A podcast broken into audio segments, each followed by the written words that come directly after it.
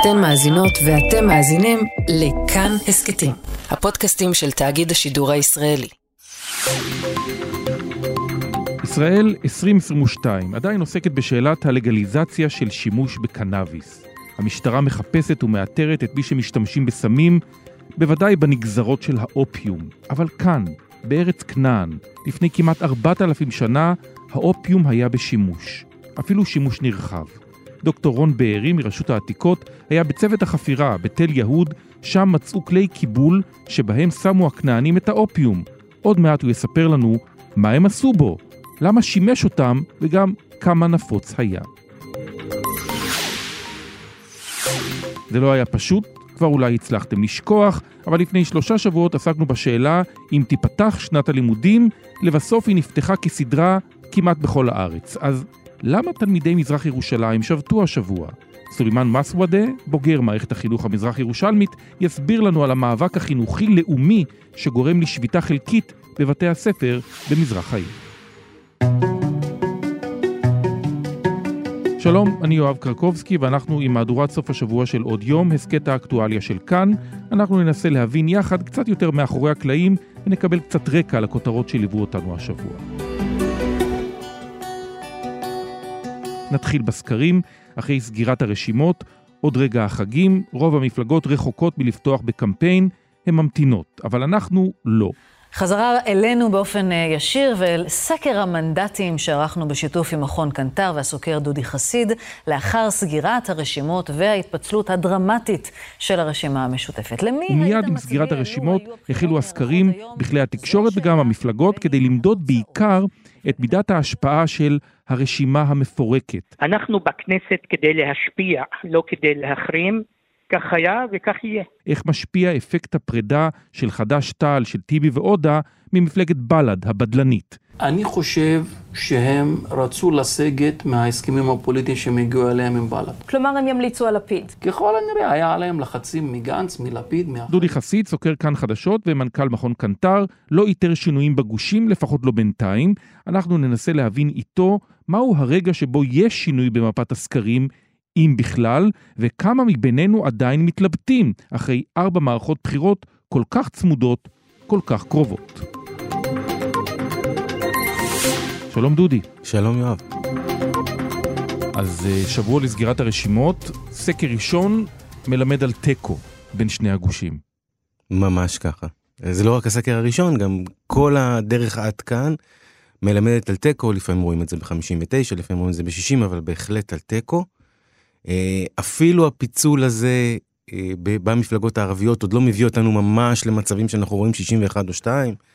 עדיין אנחנו נמצאים על ה-60, זה נכון שיש פה איזושהי התחזקות, אבל התיקו הזה מלווה אותנו בצורה כל כך אה, עקבית מהרגע שהתחלנו לדגום את המערכת הזאת, שזה די מדהים. אתה מלווה אותנו בסקרים מדגמים כבר מ-2015 למעשה. מתי אתה יכול להגיד האם רגע לפני הבחירות עוד ניתן לראות שינוי? קשה מאוד לדעת, קשה מאוד לדעת, אני חייב להגיד, כל המערכות, כל מערכת מתנהגת קצת שונה.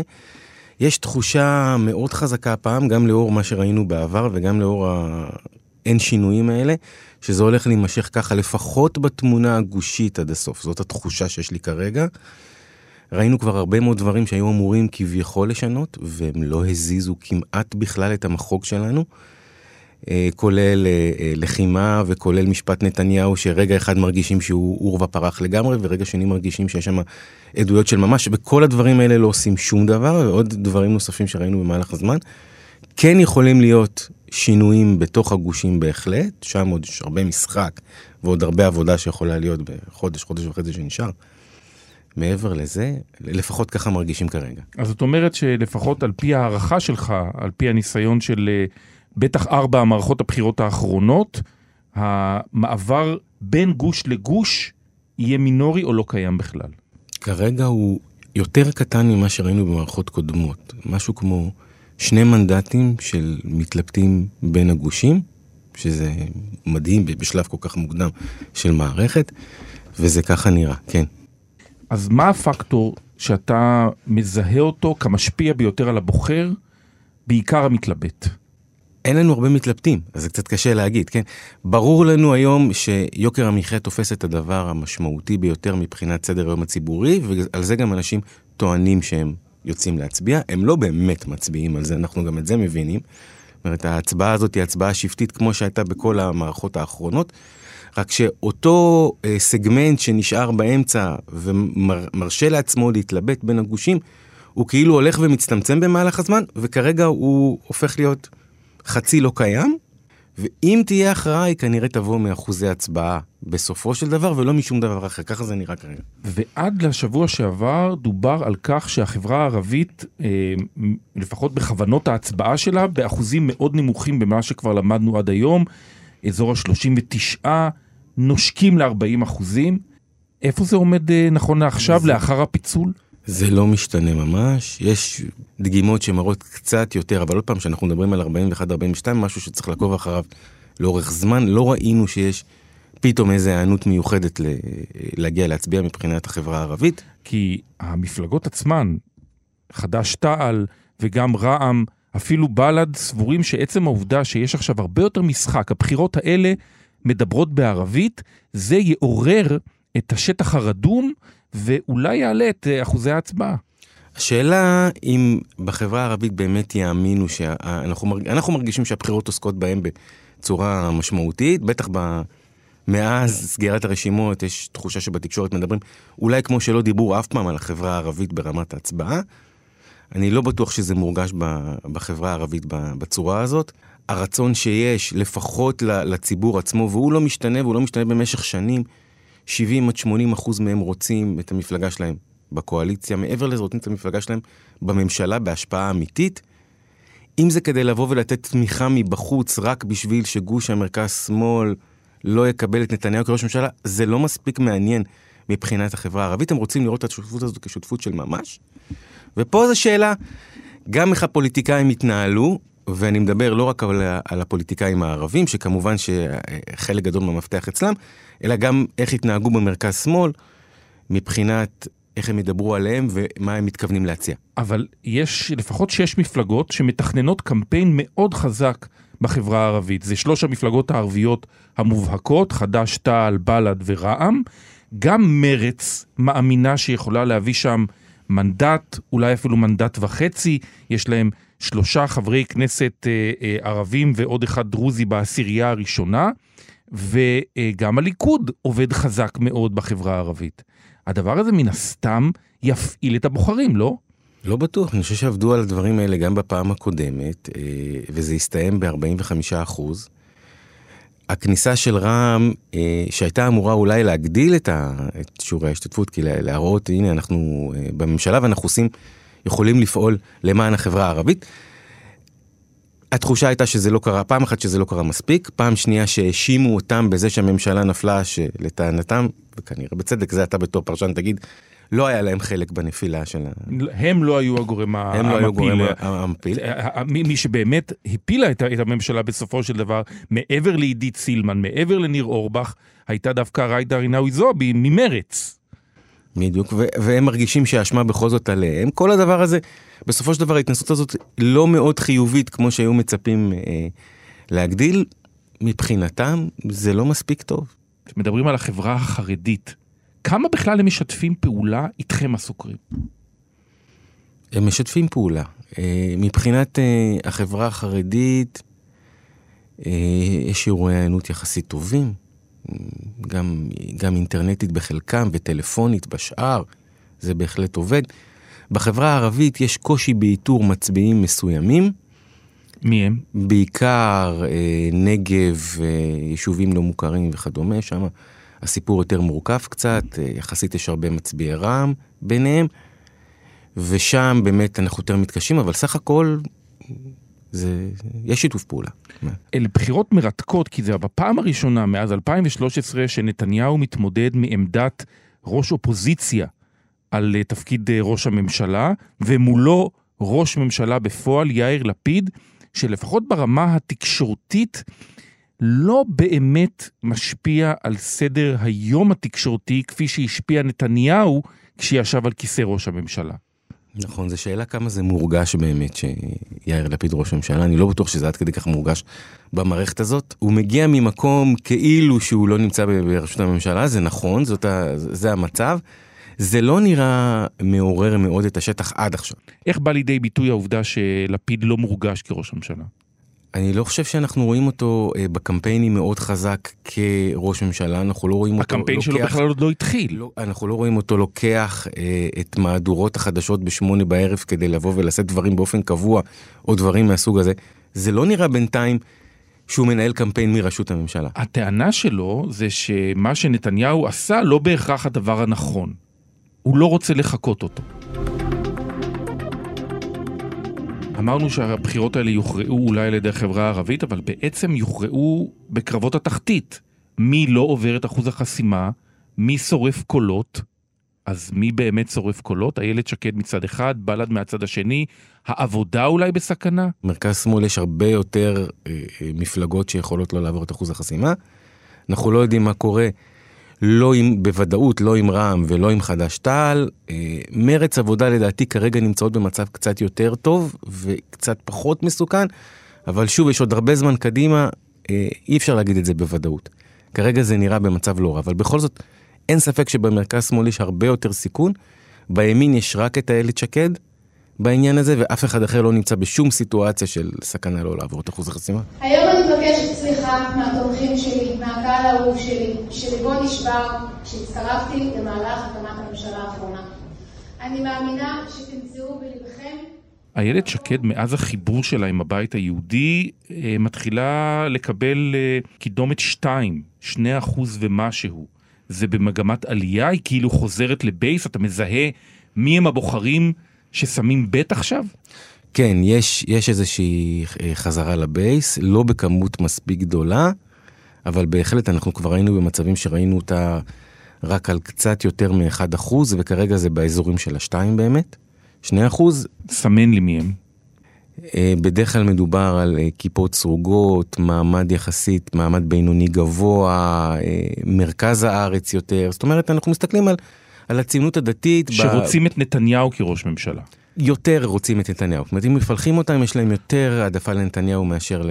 ללפיד. נפילה שלה מתחת לאחוז החסימה, זאת שריפת קולות למחנה נתניהו. זה שריפת קולות יותר למחנה נתניהו, אין ספק, כן. אולי חלקם יכולים להצביע למחנה הממלכתי, אבל מעבר לזה כנראה שאין להם הרבה אופציות בצד השני. אני באה למרר לכם את החיים, ולמרר את החיים של כל הח"כים שנמצאו בכנסת, ש-20 שנה ישבו על הכיסא ולא עשו שום דבר. הדר מוכתר. נדמה לי שכל מה שנהיה מהסיפור הזה של הדר מוכתר, מהצבעת מחאה לעוד מעט מחאה נגדה.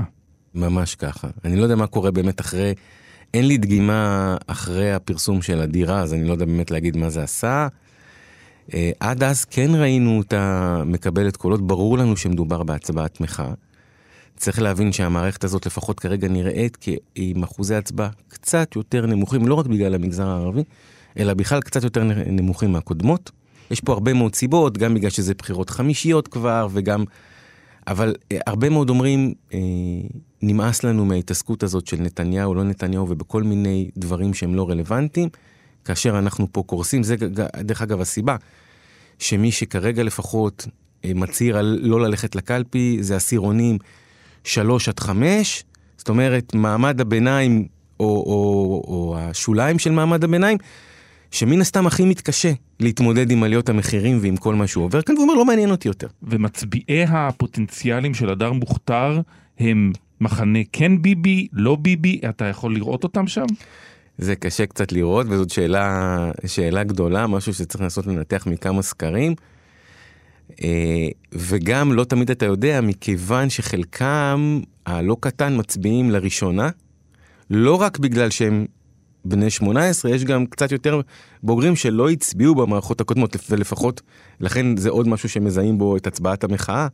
יכולים להיות כאן אנשים שהם בני 20 וכבר היה להם אופציה להצביע פעמיים או שלוש, ולא עשו את זה. אה, ולכן קצת יותר קשה לפלח אותם.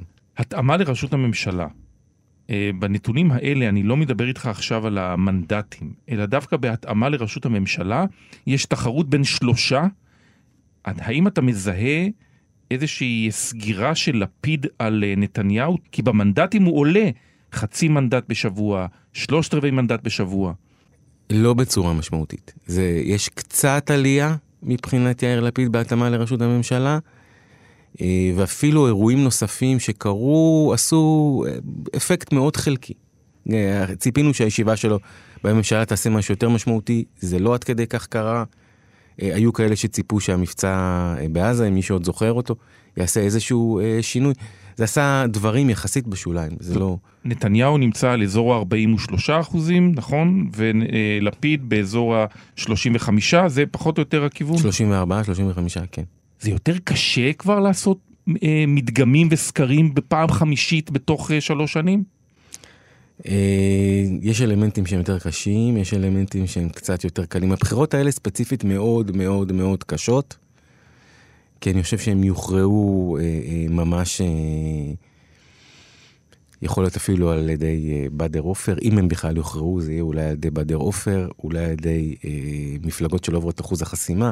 יש הרבה מאוד מפלגות שיכולות לא לעבור את אחוז החסימה, וזה כל אחד כזה, אתה יודע, עד כמה זה משנה מדגם. טעות מאוד אה, קטנה סטטיסטית יכולה להיות מאוד מאוד משמעותית. מצד שני, חייבים להגיד שבוחרים קלפיות ודברים מהסוג הזה, והייתה מערכת בחירות לפני שנה, זה קצת יותר קל, יש פחות שינויים. תסבר את אוזנינו על באדר עופר, לא כל המאזינים אה, זוכרים בדיוק מה אומר החוק הזה שעבר אה, אי שם בשנות ה-70? אנחנו מתחילים ב, אה, לבדוק את הסכמי העודפים. זאת אומרת, החוק אומר, לפי הגודל של המפלגות, זה חוק שנוצר על ידי המפלגות הגדולות, הוא משרת אותם קודם כל. מי קרובה יותר להשיג את המנדט הבא, קודם כל ברמת אה, הסכם העודפים, זאת אומרת בין שתי המפלגות זה מתחיל להתחלק לגושים, ואז בין המפלגות עצמן. עכשיו, הסיטואציה הזאת יכולה להביא למצב שבו 1,500 קולות, מכיוון שכל הסכמי העודפים כמובן הם בתוך הגושים, אין לנו שום הסכם שהוא חוצה גושים.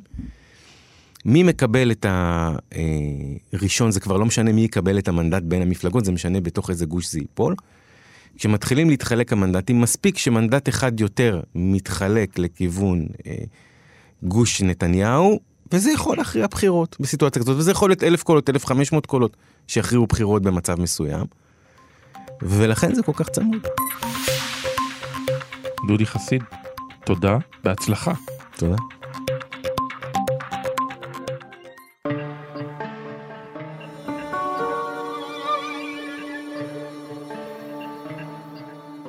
זה קורה ועובר לנו מתחת לרדאר, בתי הספר במזרח ירושלים שובתים.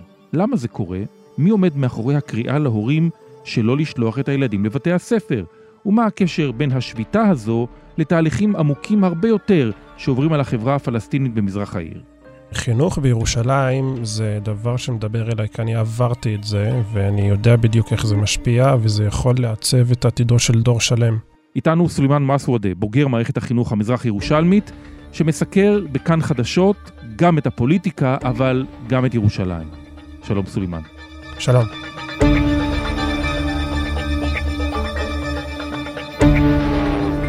אז תגיד, מה קורה עכשיו בימים האלה במזרח ירושלים? במזרח ירושלים יש שם uh, שביתה, אמנם שביתה חלקית, אבל uh, כן, יש שביתה בכמה בתי ספר uh, במזרח העיר.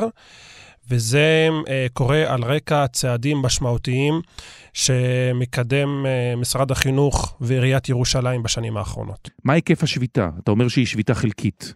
בעצם לפני כמה ימים הוכרז על uh, שביתה במזרח ירושלים בבתי הספר, יצאו הודעות ופוסטים בפייסבוק טלגרם, שאסור מחר להגיע אה, לבתי ספר. וכשאנחנו מדברים על אה, בתי ספר במזרח ירושלים, אה, אה, יואב, זה, זה עולם ומלואו. זה בתי ספר של עיריית ירושלים, של האו"ם, של הוואקף. של הרשות הפלסטינית, יש גם בתי ספר שנתמכים על ידי ירדן, יש בתי ספר שמקבלים מימון מצרפת ומאנגליה, יש שם באמת את כל הסוגים. ומי משגר את ההודעות האלה שאוסרות להגיע לבית הספר? מי עומד מאחורי המאבק? אז מי שעומד מאחורי המאבק הזה זה איזשהו ארגון שקורא לעצמו ועד ההורים אה, במזרח ירושלים. אנחנו מה אל-אדראב אל-יום הורים, סתם הורים שהילדים שלהם הולכים לבתי הספר. יש גם כאלה שיש להם השתייכות לארגונים פלסטינים, כמו לפת"ח, לחמאס, לחזית העממית, אה, ויש גם מורים ומנהלי בתי ספר. מה הרקע לשביתה? מה הם בעצם, אה, על מה הם שובתים? ניקח אותך בראשית. לפני כמה שנים הממשלה אה, מחליטה להעביר תוכנית חומש במזרח ירושלים, שהמספר שלה 3790. והיא עוברת בהובלת ממשלת הימין, ממשלת נתניהו. ואז מי שהיה שר ירושלים הוא זאב אלקין, שקידם את התוכנית הזאת, ובתוך התוכנית יש פרק שלם, פרק גדול, מתוקצב בהרבה כסף, שמוקדש לחינוך. ובפרק הזה בעצם אומר, בין היתר, שאנחנו רוצים לתקצב בתי ספר במזרח ירושלים, בהיותה ירושלים בירת ישראל, ועיריית ירושלים היא זו שאחראית על החינוך שם, יחד עם uh, משרד uh, uh, החינוך, כדי להעביר את בתי הספר ממערכת החינוך הפלסטינית שמלומדת שם, ואני מניח שנדבר על זה בהמשך, למערכת החינוך הישראלית, שמלמדים אותה בערים הערביות בישראל. והתהליך הזה מתחיל, יואב, ולאט לאט תופס תאוצה, אבל הכל קורה מתחת לרדאר. למעשה, מה שמשרד החינוך ועיריית ירושלים מציעים אה, לבתי הספר ולמנהלים, לא בכפייה אגב, אנחנו מציעים לכם תקציבים, תקציבים נדיבים, תמורת זה ש... תתחילו לעבור לאט-לאט למערכת החינוך הישראלית. והם אומרים, אתם יכולים להרוויח מזה. קודם כל, אתם מרוויחים כסף, אתם מרוויחים הכשרה בכך שהתלמידים שלכם יסיימו את מערכת החינוך הישראלית, וזה יכשיר אותם ללמוד באופן ישיר באוניברסיטאות ישראליות, לעומת מערכת חינוך פלסטינית, שאתה לא יכול לעשות את המסלול הזה באופן ישיר, וגם בשיחות סגורות מודיעים אנשי עיריית ירושלים ומערכת החינוך, שזה אה, יגרום לישראליזציה של תושבי מזרח ירושלים, שהם יזדהו יותר עם ישראל, ופחות עם פלסטין.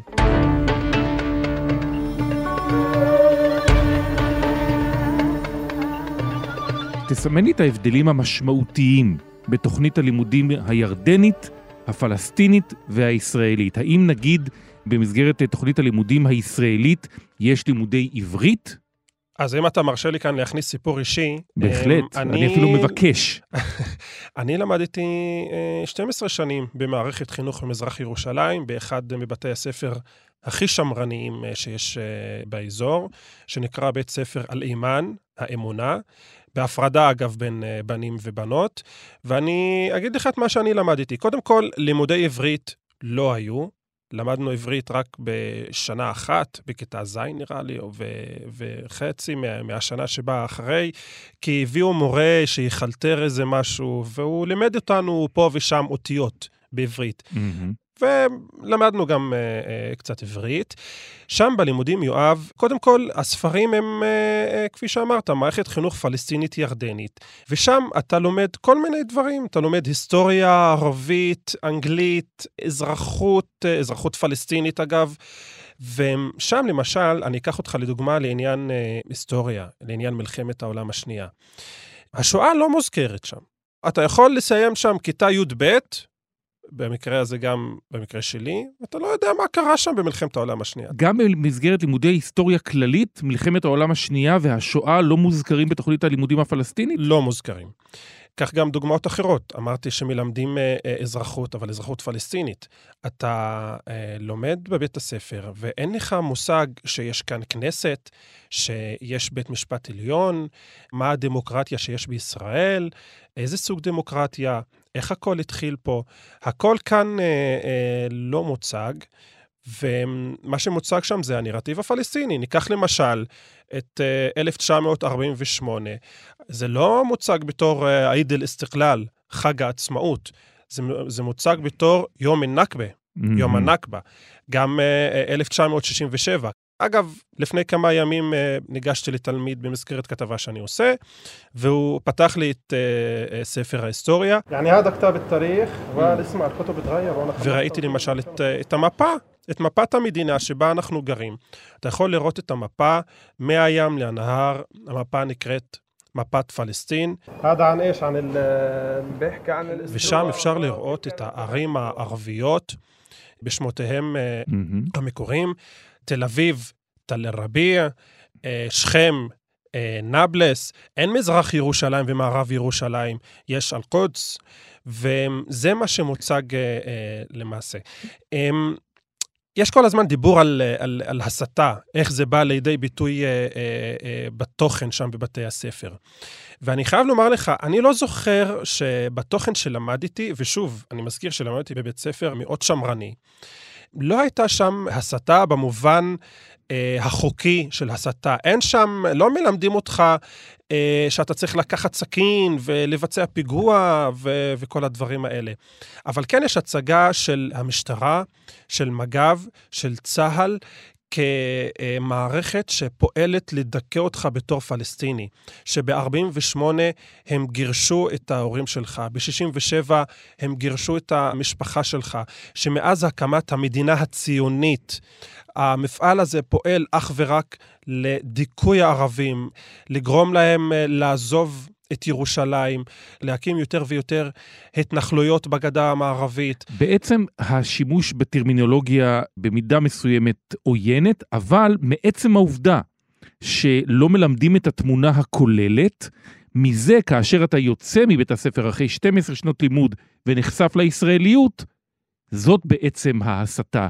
אז נוצר אולי הצורך להתמרד, להתנגד, אולי גם uh, לבצע בהמשך uh, uh, מעשים אחרים שהם פחות פוליטיקלי קורקט, נאמר ככה. כן, וכאן מגיע משרד החינוך ועיריית ירושלים, ואומרים, הלו, חברים, אתם גרים בירושלים, אתם לא נמצאים כאן בחברון, בשכם, בג'נין, אתם חיים איתנו.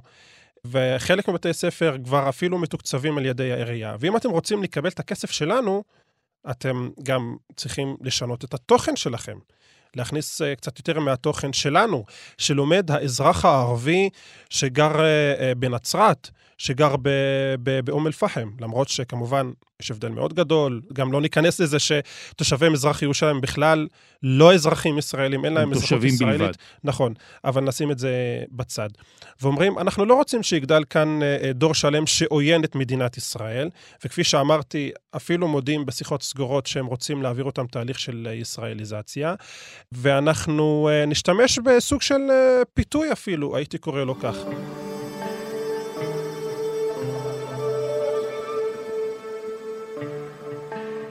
אז איפה זה עומד עכשיו? התופעה של הישראליזציה הזאת, סולימאן, מתרחבת ולכן השביתה? נכון. התופעה של ישראליזציה במזרח ירושלים מתרחבת, ואפילו הייתי אומר מתרחבת מאוד. קודם כל, אנחנו רואים הרבה יותר מתושבי מזרח ירושלים שיוצאים לעבוד אצל שכניהם היהודים, נחשפים לעולם הזה, אה, רוצים להתקדם בעבודה, רואים שהם לא יכולים ללמוד תואר ראשון באוניברסיטה העברית או באוניברסיטת תל אביב, כי אין להם את ההכשרה מבתי ספר, אין להם את הבגרות, אלא הם לומדים את מערכת החינוך הפלסטינית, התאוג'יהי, בתיכון, ואז הולכים uh, למוסדות האקדמיים ועושים שנת מכינה, מה שנקרא, שגם אני עשיתי אותה, ואז אתה רואה אותם יותר ויותר עוברים תהליך של ישראליזציה שמתרחש ב- באקדמיה, במקומות העבודה, אתה רואה אותם יותר ניגשים למשרד הפנים, לרשות האוכלוסין, כדי לבקש uh, להתאזרח, ממש כך. אתה רואה אותם אה, יותר ויותר רוצים לעבוד במקומות קצת יותר אה, אה, נחשבים, במשרדי עורכי דין, בתקשורת, בכל, במשרדי ממשלה גם, בעיריית ירושלים, ואז אתה רואה אותם איך באמת התפיסה הזאת משתנה, וכאן מגיע הצד השני, הצד של מי שמתנגד למהלך הזה, שאומר, צריך לשים פה נקודה. אם אנחנו נמשיך לתהליך הזה, אה, להימשך, אנחנו נאבד את הדור הזה, הם יאבדו את הפלסטיניות, הזהות שלהם תהיה מטושטשת ותהיה קרובה יותר לכיוון ישראל. ולכן אנחנו חייבים לעקור את העניין הזה מהשורש. אנחנו משביתים את בתי הספר עד שעיריית ירושלים ומשרד החינוך יפסיקו עם הפעילות שלהם, עם החדרת מערכת החינוך הישראלית לתוך בתי הספר שלנו. אז לאן זה הולך מעכשיו? כמה תראה, זמן השביתה הזאת תימשך? אמ, אני חייב לומר שהם הכריזו עליה כשביתה חד פעמית, יום-יומיים, ואז חוזרים לשגרה, אבל הנזק נעשה, אה, יואב, לשני הצדדים משתי סיבות. אחת, אם נסתכל על הצד הפלסטיני, מערכת החינוך הישראלית כבר נמצאת עמוק בפנים. מנהלי בתי ספר שהם אה, לא כל כך ששים לדבר מול מצלמות עד כמה הם אה, אה, מלמדים את מערכת החינוך הישראלית אצלם, אם אתה נכנס לבית הספר ורואה את הספרים בכיתה א', בכיתה ב', ג', ד', אתה יכול לראות שלמשל, הפסיקו להדפיס אותם דרך בית הדפוס של העיתון הפלסטיני אל-איam, ומי שמדפיס אותם עכשיו זה עיריית ירושלים. כלומר, יש פיקוח. מהצד השני, אומרים אה, אה, בעיריית ירושלים ומשרד החינוך, שאת התהליך הזה שרצינו לעשות אותו בשושו, בשקט, בלי להרגיז אף אחד, את זה אנחנו כבר לא יכולים לעשות, כי זה הפך להיות אה, שיחת היום במזרח ירושלים ובכלל. ואנחנו רואים שאנשים אה, מוכנים ללכת לשביתה, אבל בסופו של דבר יש כאן אה, תהליך שמעורב בו הרבה כסף, באמת הרבה כסף, וגם תהליך שיכול לעצב את עתידו של דור שלם במזרח ירושלים, או שהוא גדל על ההמנון הפלסטיני וקם כל יום בבוקר ועומד בתור ואומר פידאי, פידאי, ההמנון הפלסטיני, או שהוא נכנס לכיתה, בכיתה א', ולומד על הסכמי אברהם, ואיך מדינות ערב מנרמלות אה, את היחסים עם ישראל. סולימאן מסעודה, תודה רבה. תודה.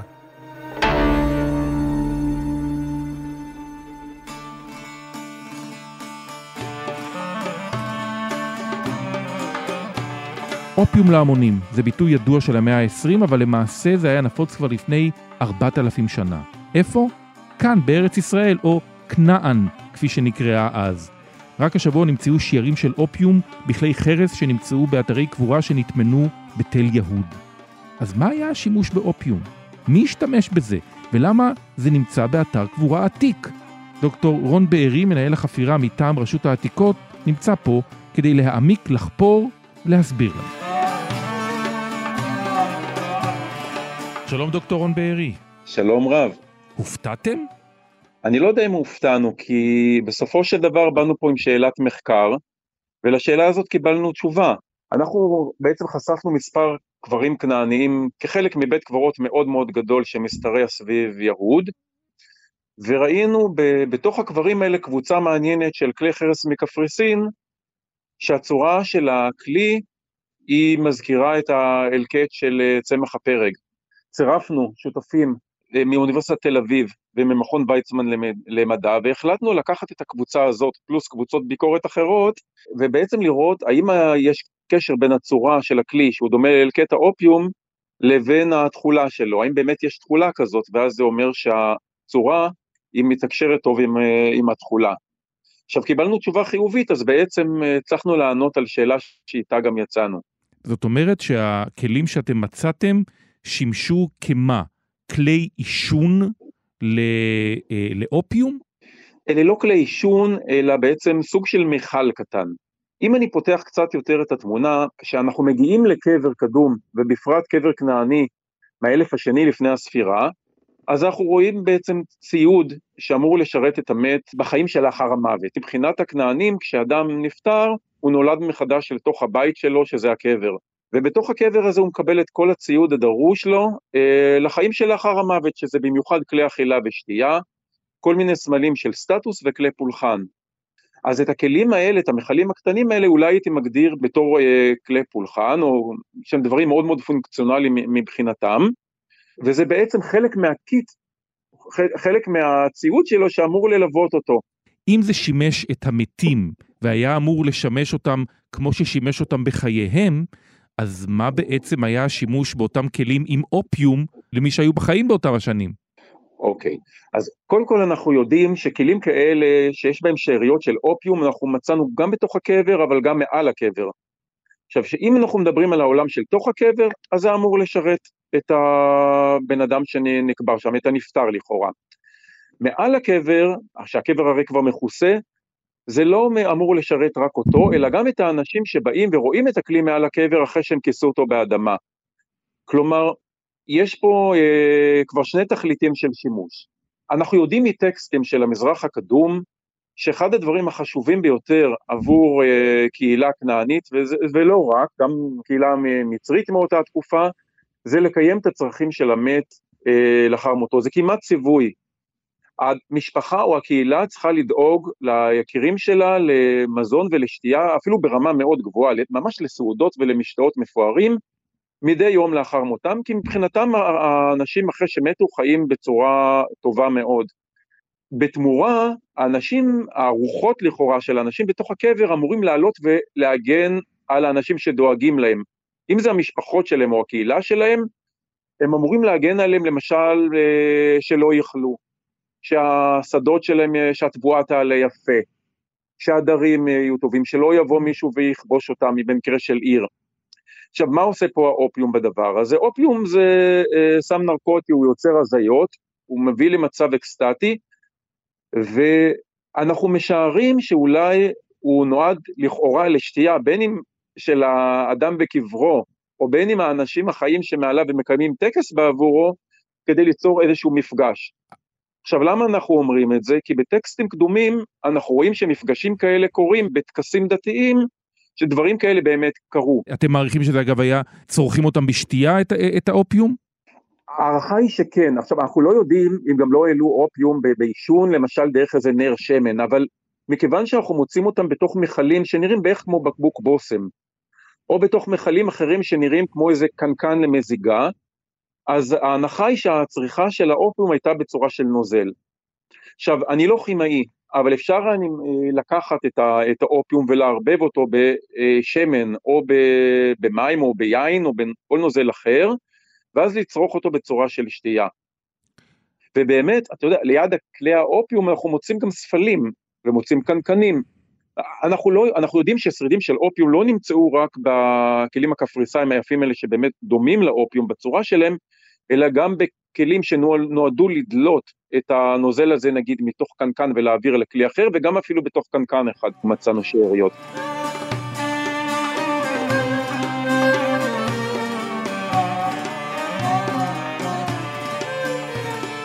היום אנחנו מדברים על לגליזציה של קנאביס, אבל לפני 4,000 שנה, כבר אז בעצם צרכו הרואין.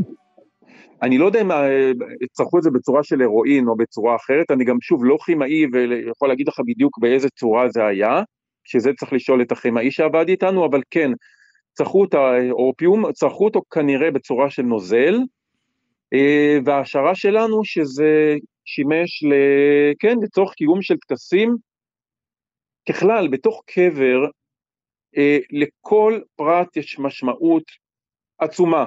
כי בן אדם רוצה לדעת שבחיים לאחר מותו, כל דבר יהיה מאוד מוקפד, כל דבר יהיה תכליתי, לכל פרט יש משמעות מאוד מאוד גדולה, והעובדה שאנחנו מוצאים כל כך הרבה כלים בצורה של אופיום, בהנחה שלא רק מה שאנחנו דגמנו, אלא גם בכלים דומים אחרים יש אופיום, זה אומר שהדבר הזה היה חשוב. מה זה אומר על החברה הכנענית באותם השנים? קודם כל החברה הכנענית זה קצת מוצג גנרי, כי חברה כנענית זה בעצם חברה שחיה כאן בארץ ישראל, והיא מושפעת אה, מאוד ממה שסובב אותה, גם מבחינת התערובת הגזעית שלה כנראה, כי כמו היום גם אז, אה, יש, פה כאן, יש כאן חברה מהגרת, שיש לה יסוד גדול שהוא יסוד שמי מערבי, נגיד יסוד אה, שמגיע מהאזור של צפון מזרח סוריה של היום, של עיראק, וגם יסודות מצריים וגם אנשים שהגיעו והיגרו דרך הים למשל מקפריסין, והם מתערבבים כאן, וזו אוכלוסייה מקומית. עכשיו, יש הבדל בין חברה כנענית, אני מעריך, שחיה בתל אשדוד, לבין חברה כנענית שישבה בעכו, למשל. אז שוב, חברה כנענית זה, זה יוש, נקרא להם יושבי הארץ, וכל אחד הוא מאופיין בצורה שונה. דרך אגב, אחד הדברים המזהים ביותר לחברה הכנענית הזאת זה מנהגי קבורה. תסביר. הייתי אומר, נגיד שהקבורה היא מהווה ביטוי דתי-חברתי די קבוע בחברה והיא לא משתנה בקלות. ביסוד שלה יש אמונה שלאחר המוות יש אה, חיים אחרים, והקבר הוא משמש נגיד אפילו לזמן מוגבל כבית לנפטר, שבו הוא מת, אבל ממנו הוא נולד מחדש. אז נגיד כל פרט בקבר, המקום שלו, המבנה שלו, החפצים, היחס בין הנקברים, הם מעידים לא רק על המקור של תרבות חומרית, אלא גם על המכלול של האמונות הדתיות, המוסכמות החברתיות, שהיו משותפים לכל החברים שלה. אני, אני אקח את זה לעולם של ימינו נגיד. אני בעברי הייתי קיבוצניק. תיקח עכשיו בית קברות של קיבוץ, של קיבוצים, mm-hmm. שזה מקום שמאוד מאוד טשטשו בו אה, זהות. ותראה כיצד קבורים אנשים נגיד שהם יוצאי צפון אפריקה לעומת אנשים שבאו מגרמניה נגיד.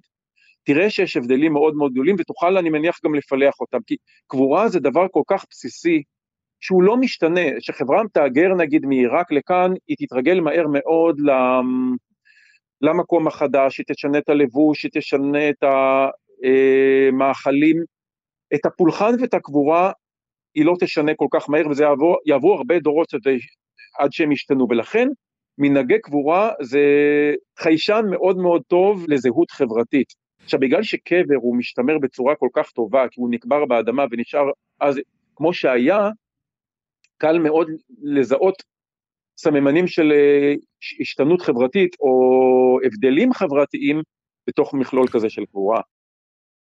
מה מיוחד בממצאים שהעליתם בתל יהוד? אז כמו כל קבר, יש בו סוגים שונים של ממצאים.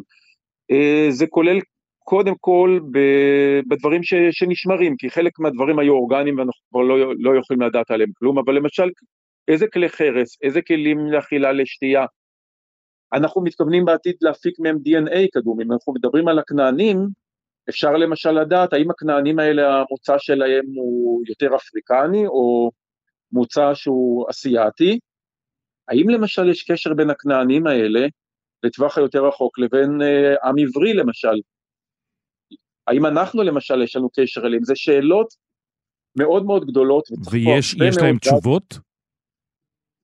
אין להם תשובות, אבל זה מחקר, כל המחקרים האלה הם מחקרים יחסית של השנים האחרונות, ובשביל לענות עליהם צריך פה שיתוף פעולה עם הרבה מאוד אה, חוקרים מתחומים שונים, ובמיוחד אורך רוח, כי לוקח הרבה מאוד זמן עד שאוספים מספיק נתונים כדי, כדי לקבל תשובות.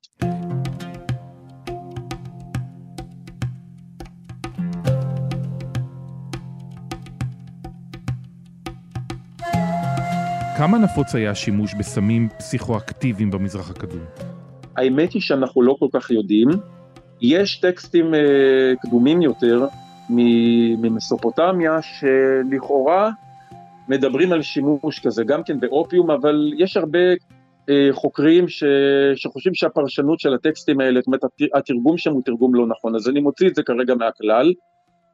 אנחנו יודעים גם שלמשל במצרים, בקברים של אה, אצילים או פרעונים מצאו הלקטים של, של פרק, שלמים, או זרעים, אבל גם זה דבר שקצת קשה לפרשנות מפני שהפרק כמו רימון או כמו פרע, צמח הלוטוס, שכולם דומים מבחינת הצורה שלהם, הם גם מהווים אה, סמל אה, פריון, במקרה של הפרק והרימון בגלל הכמות העצומה של הזרעים שיש אה, בפנים, אז זה לא בהכרח שימש לצריכה נרקוטית, אלא יכול להיות גם כאיזשהו סמל לשפע או, או לפריון. אז אנחנו לא באמת יודעים, אם אנחנו לוקחים את מה שאנחנו עשינו, את האנליזה של המשקעים, רזידו אנליזיס, אז זה גם כן אה, מדע או מחקר שהוא יחסית צעיר, ולא נדגמו מספיק כלים כדי לדעת את האופי של ה... את, ה, את ה, כמה זה נפוץ, אבל אני כן יכול להגיד לך דבר אחד. בהקשר לזה, אני משער שכן, כי הכלי הזה, כמו שאנחנו מצאנו, הכלים האלה שדומים מאוד להלקט של הפרק, משם הרי יצאנו. הם נעשו בקפריסין ויוצאו לכל המזרח הקדום אה, בכמויות עצומות. אנחנו מדברים כמעט כל קבר כנעני מהתקופה הזאת, בין המאה ה-14 למאה ה-13 לפני הספירה, יש פה לפחות כלי אחד כזה שנעשה בקפריסין, ולפעמים גם כלים כנעניים מקומיים שניסו לחקות אותו. עכשיו, אם יימצא אופיום, נגיד בבדיקות נוספות של כלים כאלה, ונוכל להגיד שרוב הכלים האלה זה מה שהם הכילו, אז לפי כמות העצומה של הכלים, למשל במקדשים שמאוד מאוד נפוצים, או בקברים, אז כנראה שהשימוש בסמים נרקוטיים כאלה היה מאוד מאוד נפוץ. אבל שוב, זה דבר מאוד מאוד נסיבתי, ואין לנו כמובן אה, הוכחות לזה. דוקטור רון בארי, תודה רבה. תודה רבה, יואב.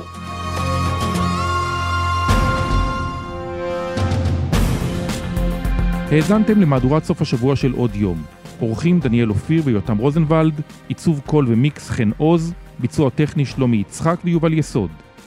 אם היה לכם מעניין, שתפו את הפרק, נשמח לשמוע מה חשבתם על המהדורה הזו. אתם מוזמנים ומוזמנות לכתוב בקבוצת כאן הסכתים בפייסבוק או בחשבונות שלי בפייסבוק או בטוויטר. פרקים חדשים של עוד יום עולים בימים ראשון, שלישי וחמישי, את כולם וגם הסכתים נוספים מבית כאן תוכלו למצוא באפליקציית הפודקאסטים האהובה עליכם או באתר שלנו. אני יואב קרקובסקי. שנה טובה, סוף שבוע נעים. נשתמע.